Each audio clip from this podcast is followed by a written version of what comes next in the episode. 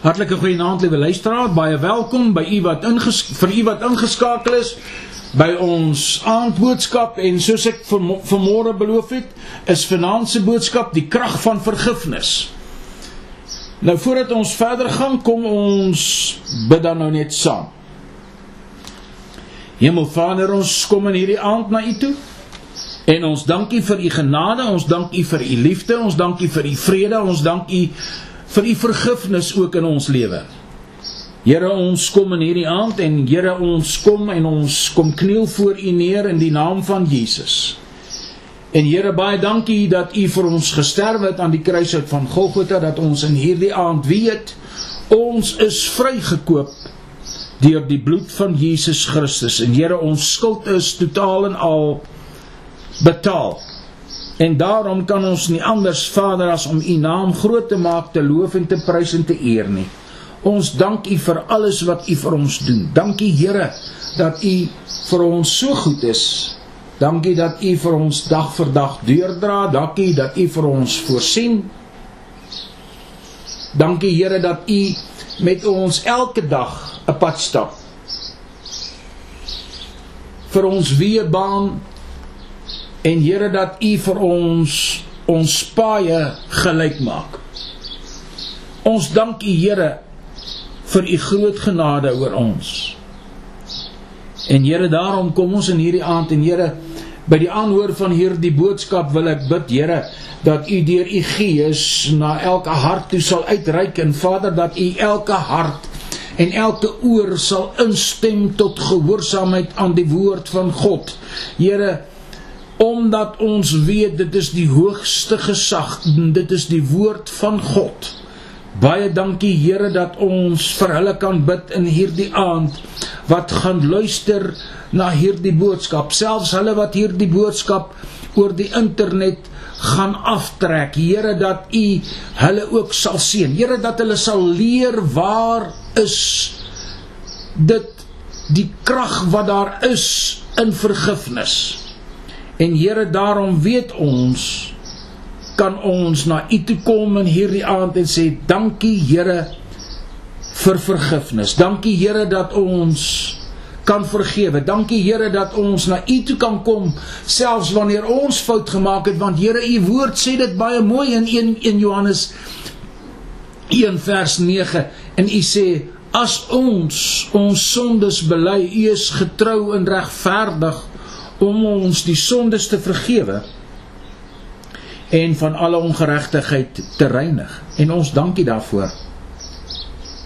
Vader, baie dankie dat ek myself weer eens onder u kosbare hand sal plaas en kan plaas en kan vra o Heilige Gees, wil u my deurdra deur hierdie diens. En Here dat hierdie boodskap wat ek dit sal aflewer gehoorsaamheid aan die woord van die Here. Ek dank U daarvoor in Jesus naam. Amen. Liewe luisteraar, ek wil graag met u praat vanaand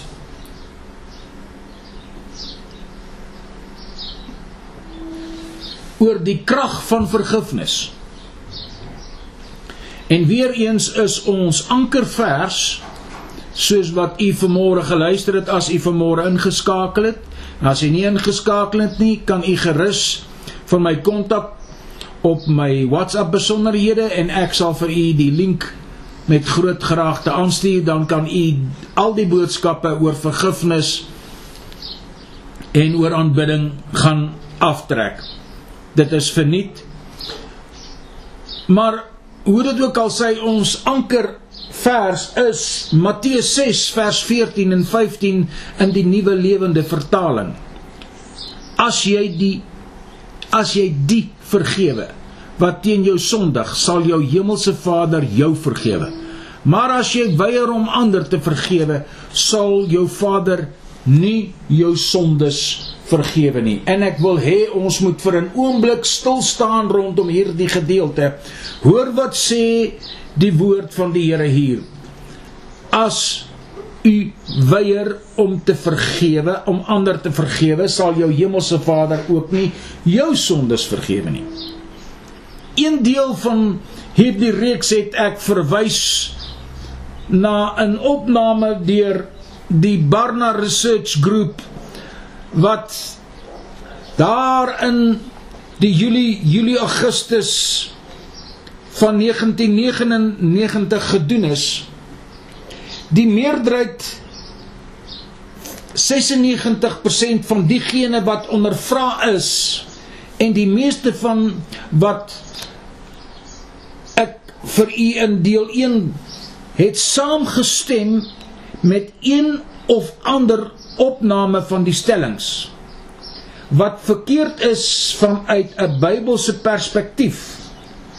Dit illustreer duidelik die diepte van misverstand wat die onderwerp van vergifnis omring. Vandag wil ons elkeen oor hierdie stellings herbesoek. Die Bybelse lering oor hierdie onderwerpe verduidelik vergifnis en bekering. Natuurlik. Dit gaan hand aan hand.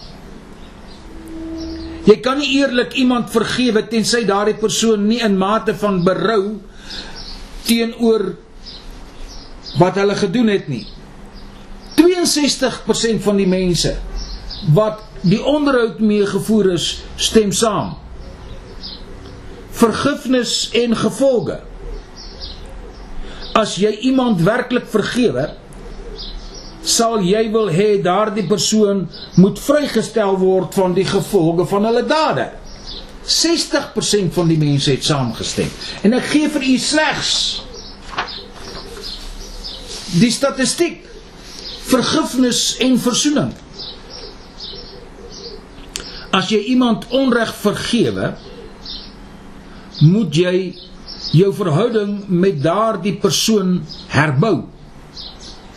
73% het saamgestem daarmee. Vergifnis en vergeet.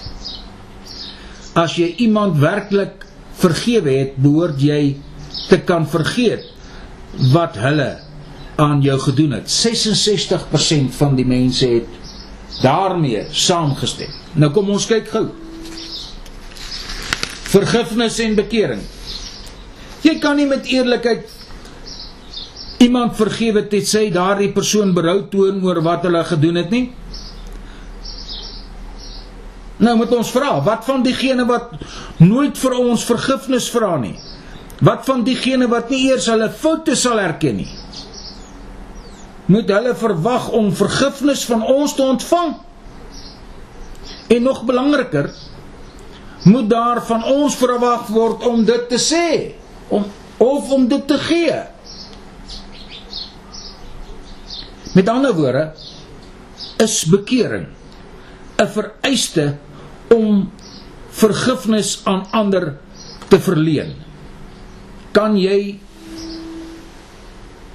iemand eerlik vergewe wat nommer 1 onbewus daarvan is dat hy jou seer gemaak het.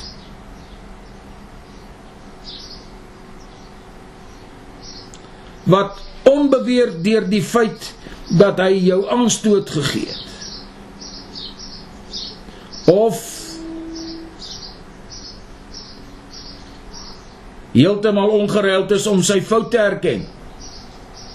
Nie in staat is om vergifnis te vra as gevolg van siekte of dood nie.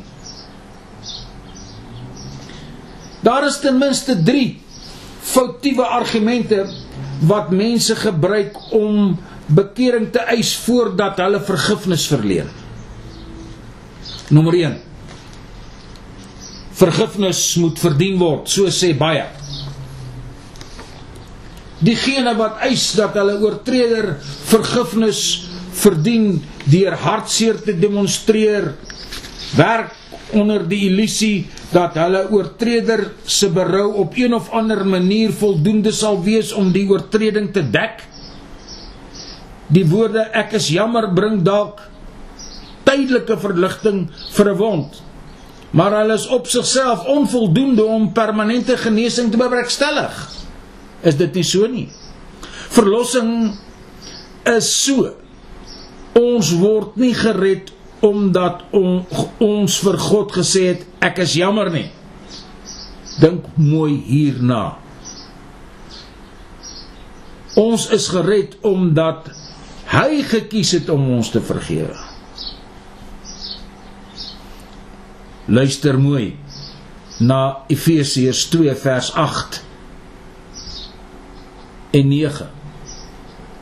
Want uit genade is jy gered deur die geloof en dit nie uit jouself nie. Dit is die gawe van God, nie uit die werke nie sodat niemand mag roem nie.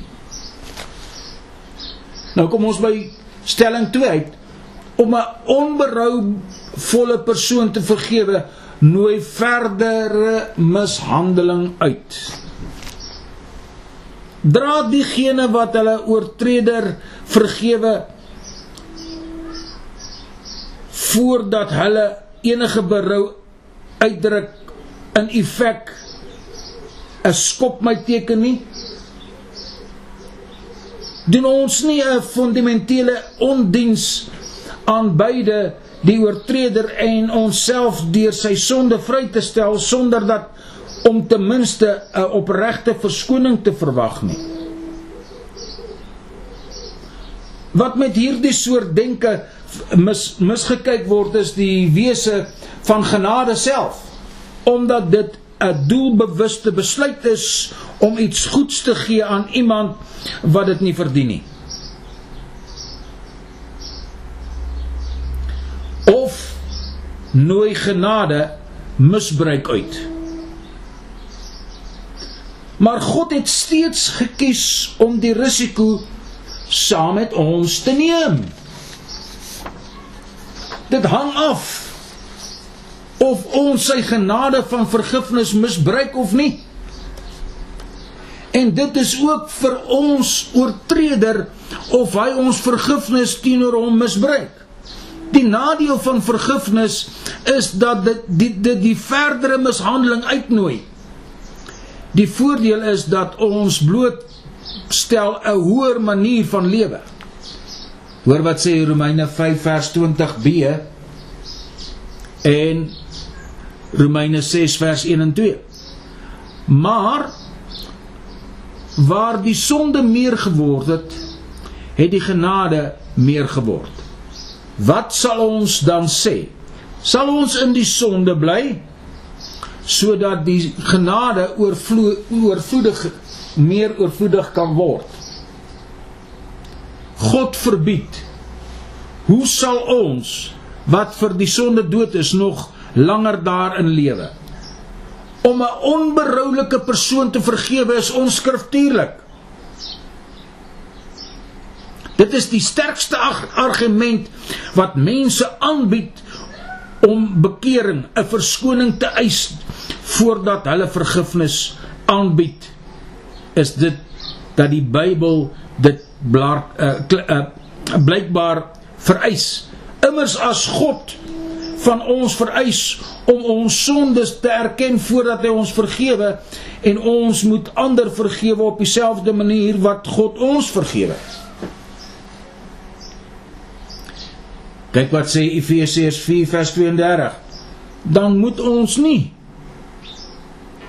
van ons oortreder vereis om berou te hê voordat ons hom vergewe nie? Lyk logies, nê? Nee, reg. Hierdie soort denke merk nie 'n belangrike onderskeid op nie. Daar is 'n deurslaggewende verskil tussen om vergifnis te ontvang en om vergifnis te gee. Die kwessie van bekering is uiters uiter, uiters belangrik. Maar vir die ontvangs van ontvangs van vergifnis maar totaal irrelevant vir die toestaan van vergifnis. Met ander woorde, bekering word vereis vir die oortreder, maar moet nie deur die oortredende gesig word nie. Romeine 5 vers 8 Maar God bewys sy liefde tot ons daarin dat Christus vir ons gesterf het toe ons nog sondaars was.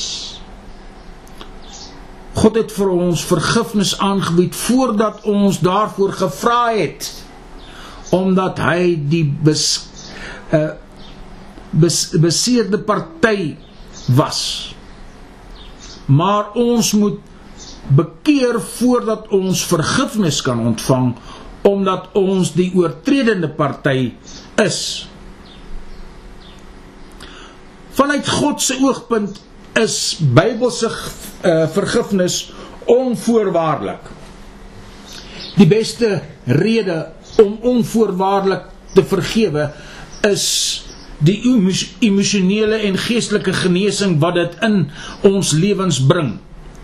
Soos dikwels was mense aan vergifnis uh uh soos dikwels was mense aan vergifnis uh dink dink hulle aan dat vir iemand anders wat dit vir iemand anders gaan doen. Hulle bes, maar hulle besef nie wat hulle eintlik aan hulle self doen nie. Is dat die vergifnis werklik 'n daad is van eie belang. Ons doen onsself 'n guns wanneer ons onsself losmaak daarvan om emosionele slagoffer van iemand anders se verkeerde daad te wees. Kom ek vergelyk dit met die ou spotprentjie wat ons almal so uit, uit ons gedagte ken is van hierdie man wat loop met hierdie bal en ketting wat so aan sy nek vasgemaak is. Maar as u sien dan het hy 'n sleutel in sy hand. En so ploeter hy voort. U sien vir ons is vergifnis die sleutel wat daardie slot oopsluit om ons nek om daardie bal en ketting te los. En dit heeltemal van ons af weg te kry sodat ons met ons lewe kan aangaan.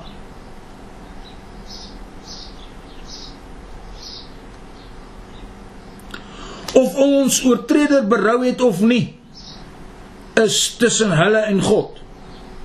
Moenie dat hulle onreg 'n kwessie tussen jou en God word nie. En dan moet ons kyk na vergifnis en gevolge. As iemand as jy iemand regtig vergewe, sal jy wil hê dat daardie persoon moet vrygestel word van die gevolge van hulle dade? Een van die grootste struikelblokke tot vergifnis is die mite dat om iemand te vergewe hulle outomaties bevry van enige gevolge van hulle dade. So 'n misverstand laat baie mense huiwer om te vergewe en of te veroordeel hulle tot 'n leef leeftyd van onnodige bitterheid. Wat van die kerktesourier wat betrap word dat hy geld uit die weeklikse offergawes verduister het as hy in die openbaar bely en die geld terugbetaal moet die kerk hom dan nie in 'n posisie van herstel uh as plaas as as hulle hom werklik vergewe het nie? Dis net 'n vraag. Wat van die man wat 'n verhouding gehad het en sy huwelik verbreek het? As sy vrou hom regtig vergewe het, moet sy nie ophou om oor hom en oor uh om hom oor en oor te laat betaal vir sy vir sy fout deur elke maand kinderonderhoud te eis nie. Wat van die veroordeelde kindermolesteerder wat sy skuld aan die samelewing betaal het en nou in die sonnaarskool afdeling wil werk? betoon die kerk werklik vergifnis as hulle hom beperk om vir die res van sy lewe met kinders te werk? Wat van die moordenaar wat in die dodes uh uh dode uh dode sal gered word as slagoffer se familie hom werklik vergewe het vir sy misdaad, moet hulle hom nie uit die howe versoek om sy vrylating uit die tronk uit nie?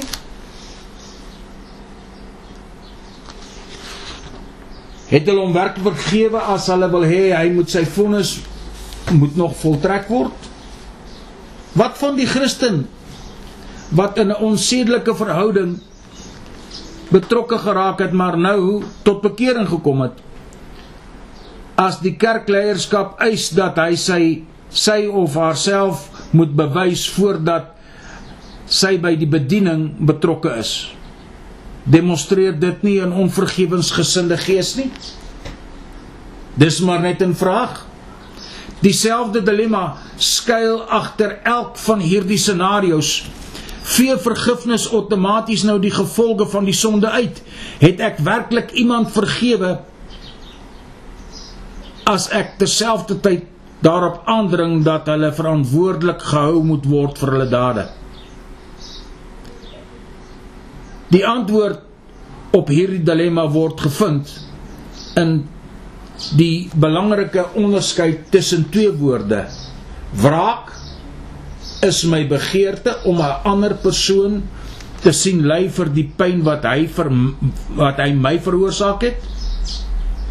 Die Bybel waarsku konsekwent daarteen om die soort gevoel in my hart te koester. Romeine 12 vers 19. Liewe vriende, Moenie probeer om gelyk te word nie. Laat God wraak neem. In die skrif sê die Here, ek is die een wat wraak neem en hulle terugbetaal. Geregtigheid is die betaling wat God of die samelewing van iemand mag eis weens 'n onreg wat teen hulle of teen ons of teen die samelewing as 'n geheel begaan het terwyl ons wraak moet vermy leer die Bybel ons om geregtigheid te soek vir diegene wat verontreg is. Jesaja 1 vers 17 Leer om goed te doen soek geregtigheid help die verdruktes verdedig die weeskind. Veg vir die regte van die weduwees. Wraak en geregtigheid ons persoonlike begeerte vir vergelding teen ons oortreder. Die terugbetaling wat 'n ander persoon van ons oortreder eis. Streef daarna om dieselfde skuld, om self die skuld te delg, om iemand anders toe te laat om die telling te vereffen En as jy daarna streef, lei dit tot bitterheid, lei of dit kan lei tot genesing, wraak en geregtigheid. God sê dat ek my begeerte vir wraak moet prysgee. Maar ek kan nooit die samelewing se verantwoordelikheid om geregtigheid te soek prysgee nie. Die Bybel leer ons dat benewens God se reg se regering die kerkadministrateurs van geregtigheid in ons samelewing moet wees. God handel op dieselfde manier met ons. Wanneer ons, wanneer God ons vergewe, verwyder hy die ewige gevolge van ons sonde, maar nie noodwendig die tydelike gevolge van ons skade nie, van ons dade nie. Daarom sal 'n vergewende God of 'n vergewensgesinde persoon steeds toelaat dat iemand sulke gevolge ly gevolge bevorder orde in die samelewing. Hoe sou ons wêreld wees as daar geen wette, geen strawwe of geen rooi ligte was nie? Chaos. Natuurlik. Genesis 9 vers 6. Hoor wat sê die Here God hier? Elkeen wat die bloed van die mens vergiet, sy bloed sal deur die mens vergiet word want na die beeld van God het hy die mens gemaak.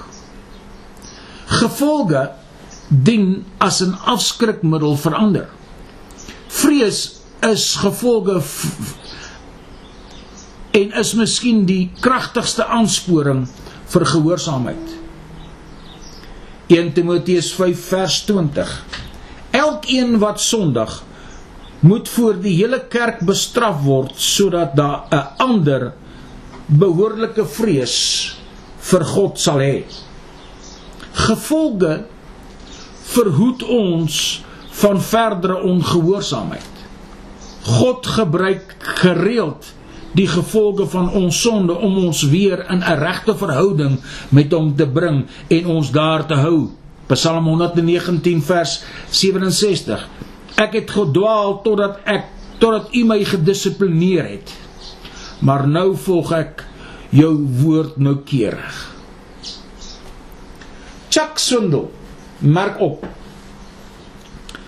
As ek sondig en in die proses van sonde my arm breek, wanneer ek vergifnis van sonde vind, moet ek steeds 'n gebreekte been hanteer. Dit wil sê die spyker wat aan die bord verwyder is, laat steeds 'n gat. As jy sukkel met seer wat deur iemand anders toegedien word, laat jou begeerte na wraak los en laat God of ander geregtigheid nastreef. Aan die ander kant as jy vergifnis verlang, moenie moedeloos wees oor die voortsleepende gevolge van jou sonde nie. Beskou hulle eerder as 'n geskenk wat ontwerp is om jou naby God te hou wat jou liefhet. En nou moet ons kom by vergifnis en versoening. As jy as jy iemand onreg vergewe, moet jy jou verhouding met daardie persoon herbou. Wat as iemand huiwerig is om vergifnis aan hulle oortreder te bied omdat hulle geen begeerte het om 'n verhouding te herstel met 'n gade wat ontrou aan hulle was, 'n vriend wat hulle verneek het, 'n kollega wat hulle belaster het of 'n familielid eh, wat hulle mishandel. Die Bybel leer ons dat versoening belangrik is om ten minste twee redes. Eerstens eenheid onder gelowiges betuig die wêreld van God se krag. Tweedens ewigheid eenheid onder die gelowiges bemagtig ons om die aanvalle van Satan te weerstaan wat ons individueel wil verdeel of isoleer of wil oorwin. Daar is geestelike krag in getalle. Matteus 5 vers 23 en 24. As jy dus voor die altaar in die tempel staan om 'n offer aan God te bring en jy skielik onthou dat iemand iets teen jou het, laat jou offer daar langs die altaar gaan en word met daardie persoon versoen. Kom en bring dan jou offer aan God. Kan ek dit vir jou weer lees? As jy dus voor die altaar in die tempel staan en 'n offer aan jou God bring en jy onthou dat skielik dat iemand iets teen jou het laat jou offer daar langs die altaar gaan en word met daardie persoon versoen. Kom dan en bring jou offer aan God. Psalm 133 vers 1 kyk hoe en hoe aangenaam is dit vir broeders om in eenheid saam te woon. Die Bybel leer ons dat versoening belangrik is, maar met een groot voorwaarde, terwyl ek 'n ander persoon eensydig kan vergewe, kan ek nie eensydig my oortreder met my oortreder versoen word nie. Vergifnis hang van my af. Versoening hang af van ons. Ons moet verstaan dat hoewel versoening deur Christene en altyd verkieslik is, dit nie altyd moontlik is nie. Romeine 12 vers 18. As dit moontlik is soveel wat van julle afhang leef in vrede met alle mense die nuwe nuwe lewende vertaling. Terwyl ek my begeerte met versoening in 'n verhouding kan uitdruk kan ek dit nie eens eis nie. Slegs as beide beide partye saamstem kan dit bereik word. Selfs al het iemand my werklik vergewe dat ek hulle seer gemaak het kan ek dit nog steeds baie tyd en moeite neem om die gebroke verhouding te herbou. In sommige gevalle mag versoening nooit eers plaasvind nie al het werklik verge werklike vergifnis plaasgevind omdat een of ander betrokke party nie saamstem nie. Amos 3 vers 3 Kan twee mense saamloop tensy hulle ooreengekom het? Rekonsiliasie behels ge gewoonlik drie bestanddele. Bekering erken dat ons verantwoordelik is vir die verkeerde wat aan 'n ander persoon gedoen is. Restituisie bied een of ander soort vergoeding aan die persoon wat ons verontreg het vir die verlies wat hulle gelei het. Rehabilitasie demonstreer 'n verandering in ons gedrag oor 'n tydperk teenoor die persoon wat ons verontreg het. Versoening vind nie oombliklik plaas nie. Dit is hoekom oortreders verkeerd is om onmiddellike herstel te eis en waarom die oortreders onverstandig is om dit aan te bied.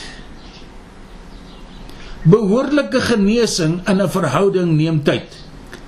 Met ander woorde, 'n huwelik wat deur 'n paar oomblikke van oorspelige plesier gebreek word, kan jare neem en pynlike moeite om herbou te word. Vergifnis of versoening. Dit vat een persoon om te vergewe, dit vat twee om te herenig om herenig te word. Vergifnis vind in 'n gewoon gewonde persoon plaas deur reunie vind dit plaas in 'n verhouding tussen mense. Ons kan 'n persoon vergewe wat nooit sê hy is jammer nie. Ons kan nie werklik herenig word tensy hy eerlik jammer is nie.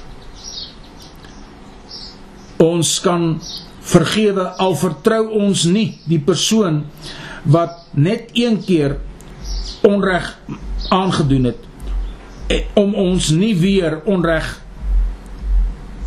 aan ons te doen nie. Reunie kan slegs gebeur as ons die persoon wat een keer onreg ons aan ons een keer onreg gedoen het, kan vertrou om ons nie weer te beledig nie. Vergewensgesindheid het geen stringe verbonde nie. Reunie het verskeie stringe verbonde vergifnis en vergeet.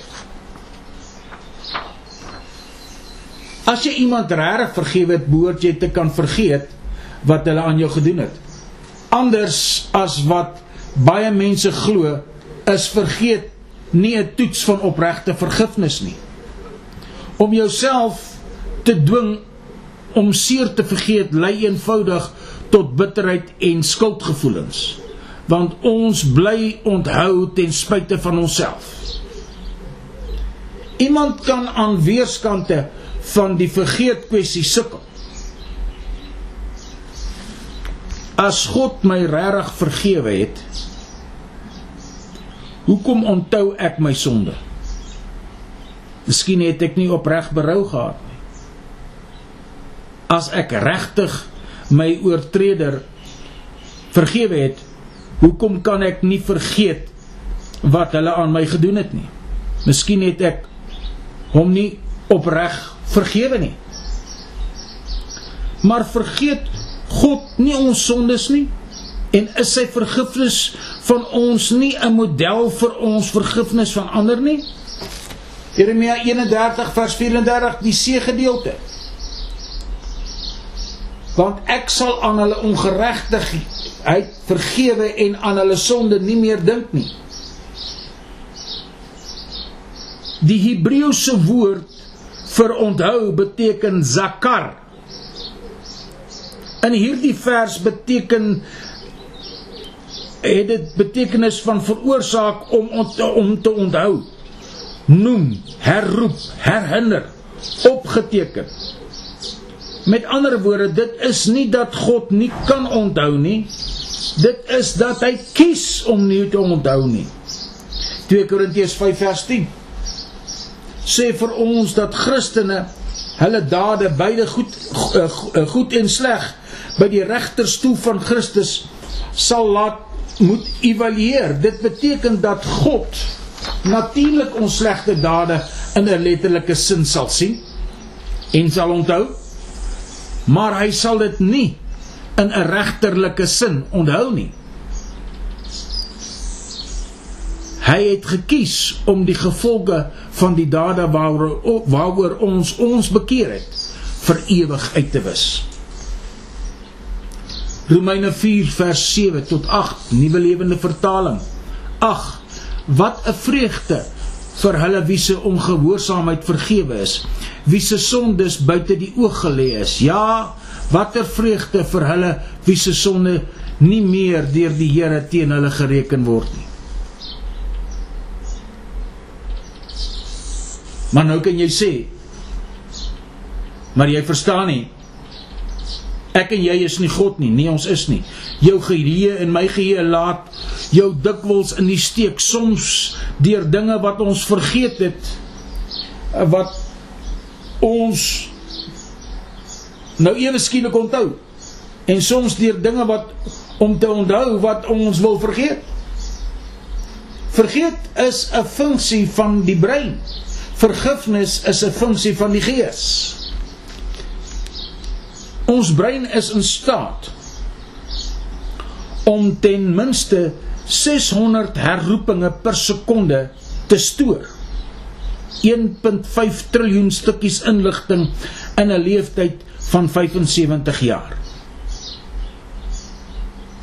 Alhoewel ons dalk nie die sekere gebeurtenisse in ons lewe kan herroep nie, is daardie ervarings nietemin permanent in ons geheue opgeteken en kan dit ten e kan dit ten enige tyd weer opduik.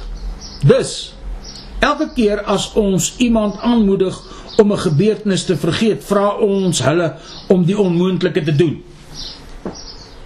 Trouwens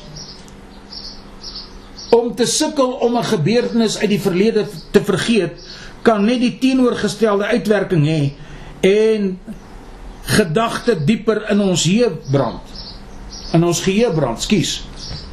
Om oortredings te vergeet is nie menslik moontlik nie. En dit is nie winsgemaak nie.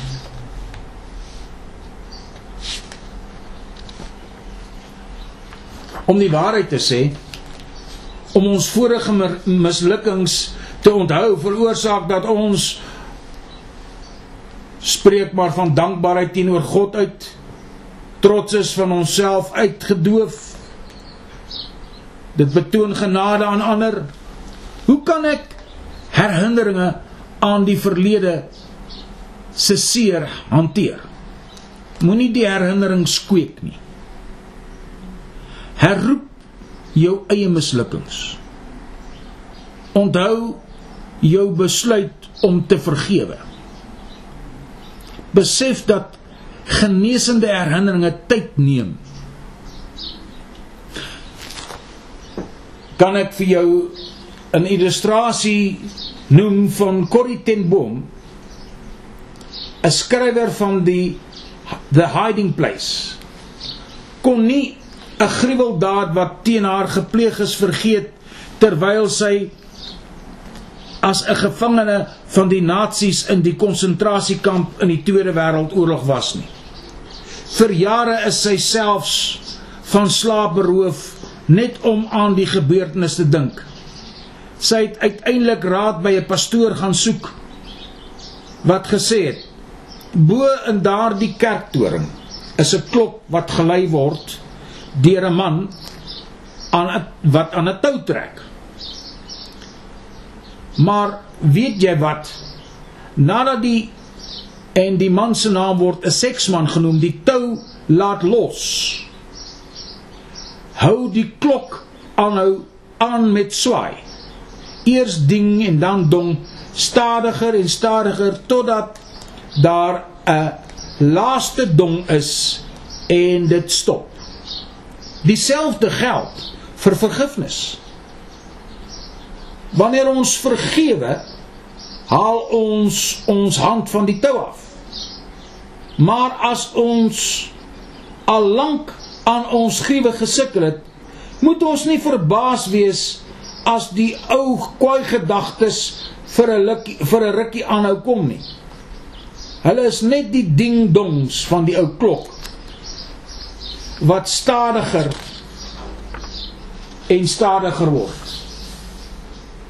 Maar sodra die krag jou wil uit hulle uitgaan sal die gedagtes in jou frekwensie en jou in, in, intensiteit afneem. Los die tou deur vergifnis. En jy en ek weet mos nou dat dit nie onmiddellik gaan ophou wanneer ons vergewe het nie. Wees net geduldig en skuil in die rots van die eeue. Jesus Hy sal jou deurdra. Kan ek vanaand saam met jou bid dat die Here jou sal help om jou lewe skoon te kry en ook daardie ou onvergewensgesindheid uit jou lewe uit te verwyder om jou die sleutel te gee van vergifnis vir daardie ball and chain wat jy saam met jou sleep. Kan ek saam met jou bid? Kom ons doen dit. Kom ons stem saam. Vader, dankie vir u vergifnis.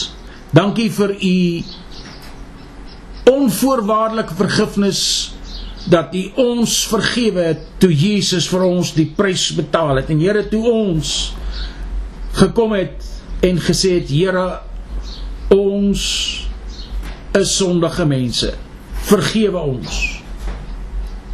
En Here, daarom wil ek in hierdie aand bid vir hulle wat sukkel om te vergewe. Here, ek wil bid vir hulle wat nog soos daardie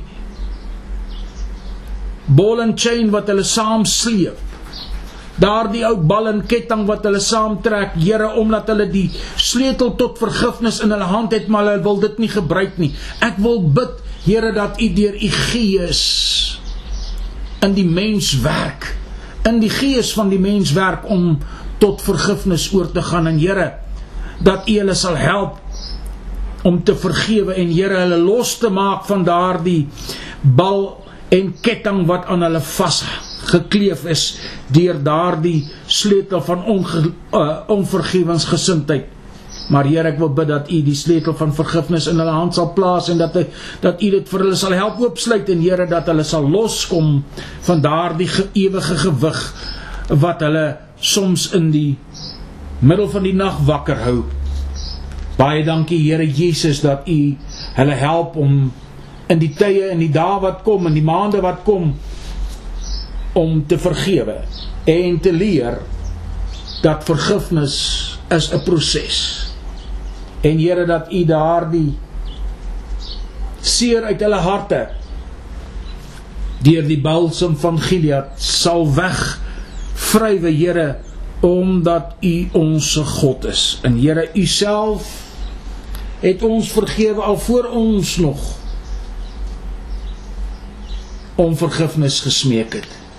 Baie dankie Here Jesus dat ons kan bid in hierdie aand dat U met elkeen sal wees gaan met ons mense reg oor die internet, gaan met ons mense in die ra oor die radio golwe. Here dat U met elkeen sal wees wat in hierdie aand selfs net 'n nou klein lesie geleer het, Here dat hulle werklik waar ook in hierdie aand vergifnis kan aanskakel in hulle lewe en vergewe die wat hulle verontreg het. Ek dank U daarvoor, Here Jesus. Ek bid dit in Jesus naam. Amen. Liewe luisteraar, indien u met my wil kontak maak oor hierdie boodskap en u soek dalk 'n link na my pot gooi, kan u my WhatsApp op die volgende nommer +2776 840 1328 en al wat u hoef in te tik daar in u WhatsApp boodskap is ball and chain en ek stuur vir u die link tot hierdie boodskap. Of u kan my e-pos dr.af.weyers w e lang y e r s 55 @gmail.com die Here seën u. Gaan in sy vrede. Amen